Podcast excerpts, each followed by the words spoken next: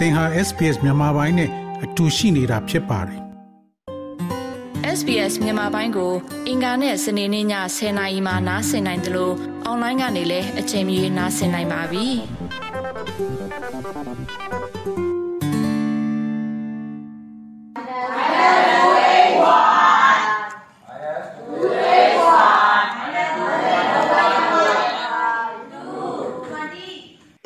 ထွက်လာတဲ့ ဒီဆိုင်အန်တန်ဟာ မြန်မာပြည်တဲကအတန်တွေတော့ မဟုတ်ပါဘူး။နှစ်နိုင်ငံနယ်စပ် ထိုင်းဘက်ခြမ်းမှာရှိတဲ့ မဲဆောက်မြို့က ရွှေပြောင်းကလေးငယ်တွေရဲ့ စာရွတ်ဆိုတန်တွေပဲ ဖြစ်ပါတယ်။မြန်မာနိုင်ငံအတွင်း စစ်အာဏာသိမ်းမှု နောက်ဆက်တွဲ အကြောင်းမျိုးမျိုးကြောင့် ဒီကလေးငယ်တွေ တိမ်ရှောင်လာခဲ့ကြရတာပါ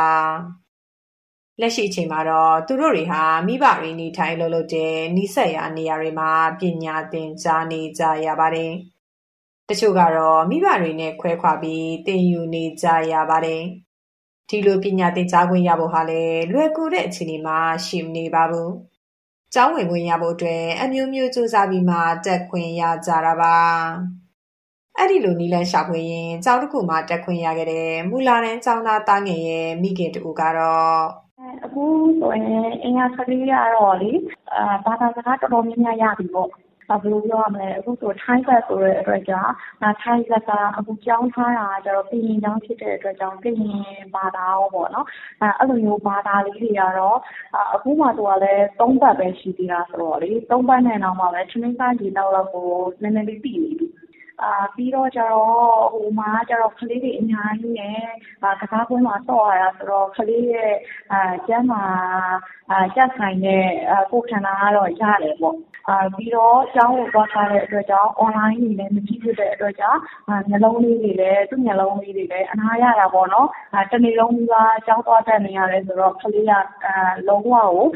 online နဲ့ လုံးဝမထိတွေ့ရဘူးပေါ့နော် ထိုင်းတနိုင်ငံလုံးမှာ မြန်မာရွှေ့ပြောင်းလူသမားတွေရဲ့ ကလေးငယ်တွေ ပညာသင်ကြားနိုင်ရေးအတွက် ဖွင့်လှစ်ထားတဲ့ကျောင်းပေါင်း68ကျောင်း ရှိပါတယ်။ ဒီလိုကျောင်းတွေဖွင့်နိုင်ဖို့အရေးမှာလဲမွန်၊ကရင်၊ဗမာ၊မွတ်စလင်ကစလို့အဖွဲ့အစည်းအသီးသီးကပါပူးပေါင်းလှုပ်ဆောင်ခဲ့ကြရပါတယ်။စစ်တပ်ကအာဏာသိမ်းပြီးအခုပညာသင်နှစ်မှာတော့နယ်စပ်ထိုင်းနိုင်ငံဘက်ကိုရောက်လာတဲ့ကျောင်းသားဦးရေဟာ3000လောက်အထိတိုးမြင့်လာတယ်လို့ PEAN ပညာရေးဖောင်ဒေးရှင်းအဖွဲ့ကနေသိရပါတယ်။အဲ့ဒီထဲမှာရန်ကုန်တိုင်း၊ပဲခူးနဲ့နယ်နိမိတ်ထိစပ်ရာကရင်ပြည်နယ်ကကလေးငယ်တွေအများဆုံးပါဝင်နေပါတယ်။ ဒီလို ကျောင်းသားဦးရေ တိုးလာတာနဲ့အမျှ ကျောင်းတွေမှာ ပညာသင်ကြားဖို့အတွက် စာသင်ခန်း မလုံလောက်တာ၊စာရေးခုံ မလုံလောက်တာတွေကို ရင်ဆိုင်လာကြရပါတယ်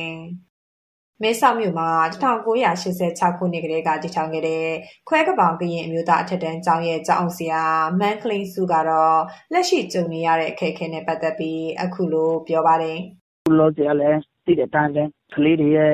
နေထိုင်မှု စားသောက်မှုတွေက အရမ်းလိုအပ်တယ်။နောက်ပြီးတော့ သူတို့ရဲ့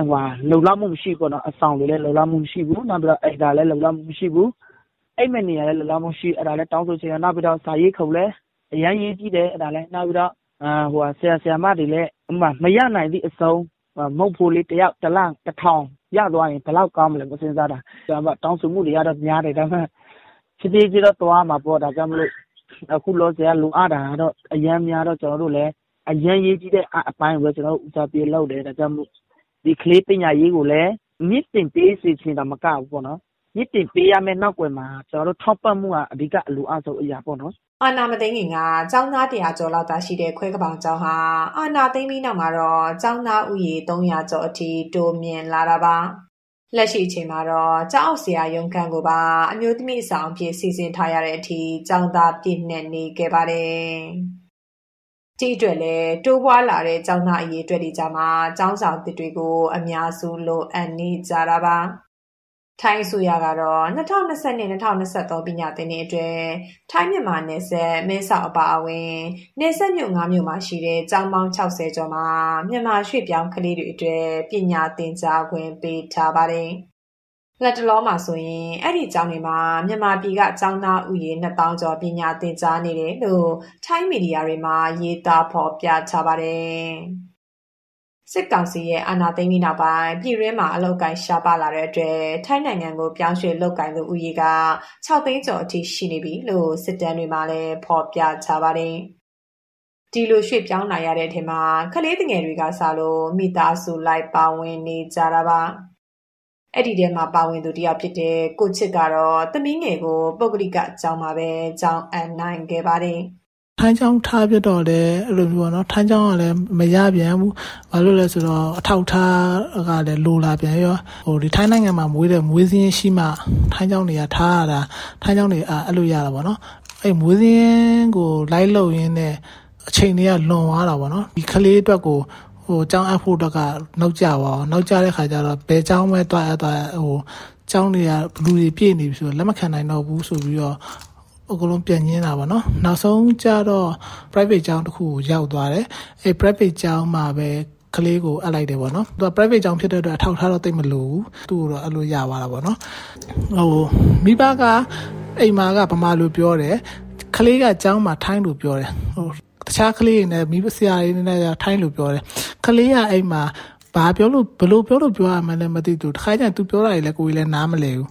အဲကလေးအတွက်ကစကားဘာသာစကားသင်ယူရတာအရင်အခက်ခဲဖြစ်တဲ့ခါကျတော့မိဘအနေနဲ့ပါဟိုစကားဘာသာစကားကိုစူးစမ်းပြီးလိုက်နေရတာပေါ့နော်တက်ရောက်မှုပြင်းထန်ခဲ့တဲ့ COVID-19 ကပ်ပြီးမှလည်းမြန်မာနိုင်ငံကကလေးတွေဟာနှစ်နှစ်နီးပါးစာသင်ခန်းနဲ့ဝေကွာခဲ့ကြပါတယ် အာနာသိန်းနောက်ဆက်တွဲ အခြေအနေပါ ထပ်ပေါင်းလာတဲ့အခါမှာတော့ ကလေးငယ်တွေဟာ ကျောင်းတွေကိုသွားဖို့ပုံမခက်ခဲလာရပါတယ် အာဏာသိမ်းကာလအတွင်းမှာ စစ်တပ်ရဲ့ ဖမ်းဆီးနှိပ်စက်ခံရတဲ့ ကလေးငယ် ရာချီရှိပြီး ကလေး ၈ သိန်းကျော်ဟာ ပညာသင်ခွင့်တွေ ဆုံးရှုံးနေတယ်လို့ ကုလသမဂ္ဂရဲ့ ကလေးသူငယ်အခွင့်အရေးဆိုင်ရာ ကော်မတီက ထုတ်ပြန်ထားပါတယ်။ ဒါ့အပြင်ကလေးငယ်၄၀၀နီးပါးသေဆုံးခဲ့ရသလို၂သိန်းကျော်ဟာဘေးလွတ်ရာပြောင်းရွှေ့နေထိုင်နေရတယ်လို့ဇွန်လ၂၉ရက်ကထပ်မံထုတ်ပြန်ထားပါသေးတယ်ထိုင်းနယ်စပ်ကိုတိမ်းရှောင်နေရတဲ့ကလေးတွေကတော့နီးစပ်ရာကျောင်းတွေမှာတက်ရောက်ကြတဲ့အခါဘာသာစကားအပါအဝင်သင်ကြားရေးပိုင်းတွေမှာခွဲခြားမှုတွေကြုံနေရတာရှိတယ်လို့ပြောဆိုမှုတွေလည်းရှိပါတယ်။ ရွှေ့ပြောင်းအလုပ်သမားတွေရဲ့ ကလေးငယ်တွေ လက်ရှိကြုံတွေ့နေရတာနဲ့ ပတ်သက်ပြီး အလုပ်သမားအခွင့်အရေး လှုပ်ရှားသူ မဝေဝေကတော့ ဒီဘက်မှာဒီဘက်မှာလက်ရှိဆိုရင်ကျမကဒီဘက်မှာရှိတဲ့အတွက်ပေါ့နော် NUG အနေနဲ့ကျောင်းတွေကိုလိုက်ထိပ်နေတာတွေရှိတယ်ပေါ့နော်ဒါလိုက်ထိပ်နေရတယ်လည်းကျမသိရတယ်ပေါ့နော်ဒီဘက်မှာအခုရွှေပြောင်းလုပ်သမားတွေဒီမှာပေါ့နော်ဒီထွက်ပြေးတိတ်ဆောင်ရတဲ့ပေါ့နော်ဒီကလေးတွေအတွက်ကျောင်းတက်ဖို့နဲ့ပတ်သက်ပြီးပေါ့နော်ဒါပေမဲ့အပြေဝအပြေဝအကုန်လုံးပေါ့နော်တက်လို့ရတယ်ဆိုတာတော့မဟုတ်ဘူးဒီ time ကလေးနဲ့ကျမတို့မြန်မာဒီမြန်မာနိုင်ငံကနေရောက်တဲ့ကလေးတွေဆိုတော့ခွဲခြားထားတာတွေကျမတွေ့ရတယ်ပေါ့နော်ဒါခွဲခြားထားတာတွေ တွေ့ရတယ် နောက်တစ်ခုကကြတော့အဲတန်းတူပေါ့နော် တန်းတူအခုတန်းတူခွန်ဆောင်ခွင့်တွေ မရှိဘူးပေါ့နော်တန်းတူခုနဆိုရင်ခုံရစာခက်ခဲတွေ ရှိတယ် နောက်တော့မတက်ကတဲ့ ကလေးတွေကလည်း အများကြီးရှိတယ်ပေါ့နော်အဲဒီလို မတက်ကတဲ့ ကလေးတွေကကြတော့အဲဟိုအဆက်တွေမရှိကြတွေအယုံကြည်နေနေပေါ့နော်အဲအယုံကြည်နေနေလေအခုတရားပြောမှဆိုရင်အဲဒီက ကျောင်းတွေကို လိုက်ပြီးတော့ ချိတ်ဆက်ပြီးတော့တိတိကျကျအောင်လေး ပြောစီခြင်းနေပေါ့နော်လက်ရှိကာလမှာတော့ ကျောင်းအများစုမှာ အသက်18နှစ်ကစလို့ ဖြည့်ဆို့နိုင်တဲ့ General Educational Development GED ကို ဝင်ရောက်ဖြည့်ဆို့နိုင်ဖို့အကြံတွေကို ထည့်သွင်းဖွင့်လှစ်ထားပါတယ်။ GED မှာတော့ Mathematics, Social Studies, Science နဲ့ Language Arts ဆိုပြီး ဘာသာရပ် ၄ ခုကို ဖြည့်ဆို့ရမှာဖြစ်ပါတယ်။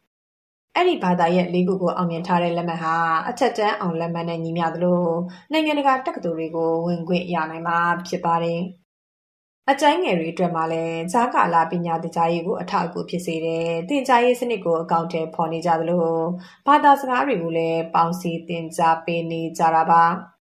လက်ရှိနိုင်ငံရေးမတည်ငြိမ်မှုတွေရှိနေပေမဲ့လည်းကလေးငယ်တွေရဲ့ပညာရေးအတွက်သင်ကြားရေးစနစ်တွေကိုနိုင်ငံတကာသင်ရိုးနဲ့ပေါင်းစည်းလုပ်ဆောင်သင့်တယ်လို့သွေးသစ်ကျောင်းရဲ့ကျောင်းဆရာဦးဇော်လွင်ဦးကပြောပါတယ်။အဓိကကတော့မြန်မာပြည်ကသုံးနေတဲ့၁၀တန်းပေါ့ Matriculation ကိုကျနော်တို့မလုပ်တော့ဘူး။ကျနော်တို့ဖြုတ်ပလိုက်တယ်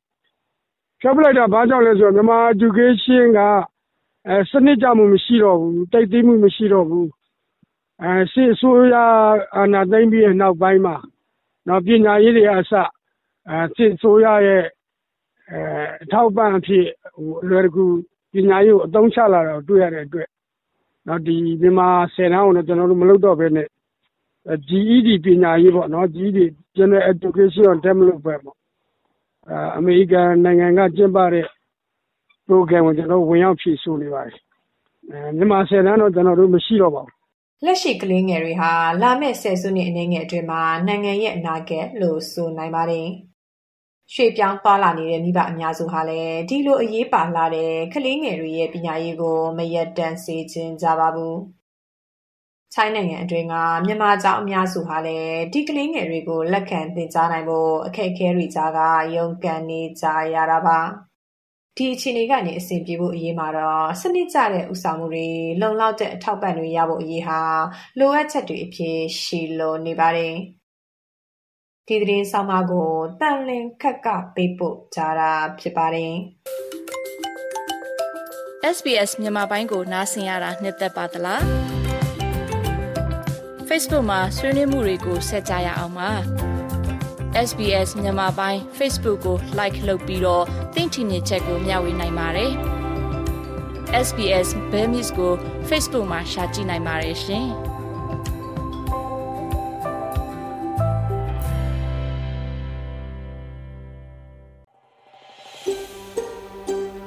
ဒါမျိုးသတင်းဆောင်မတွေကိုပိုနားဆင်လိုပါလား Apple Podcast Google Podcast Spotify တို့မှာသင်ပင်ရာဖြစ်ဖြစ်ရယူတဲ့ podcast කාරණයක බා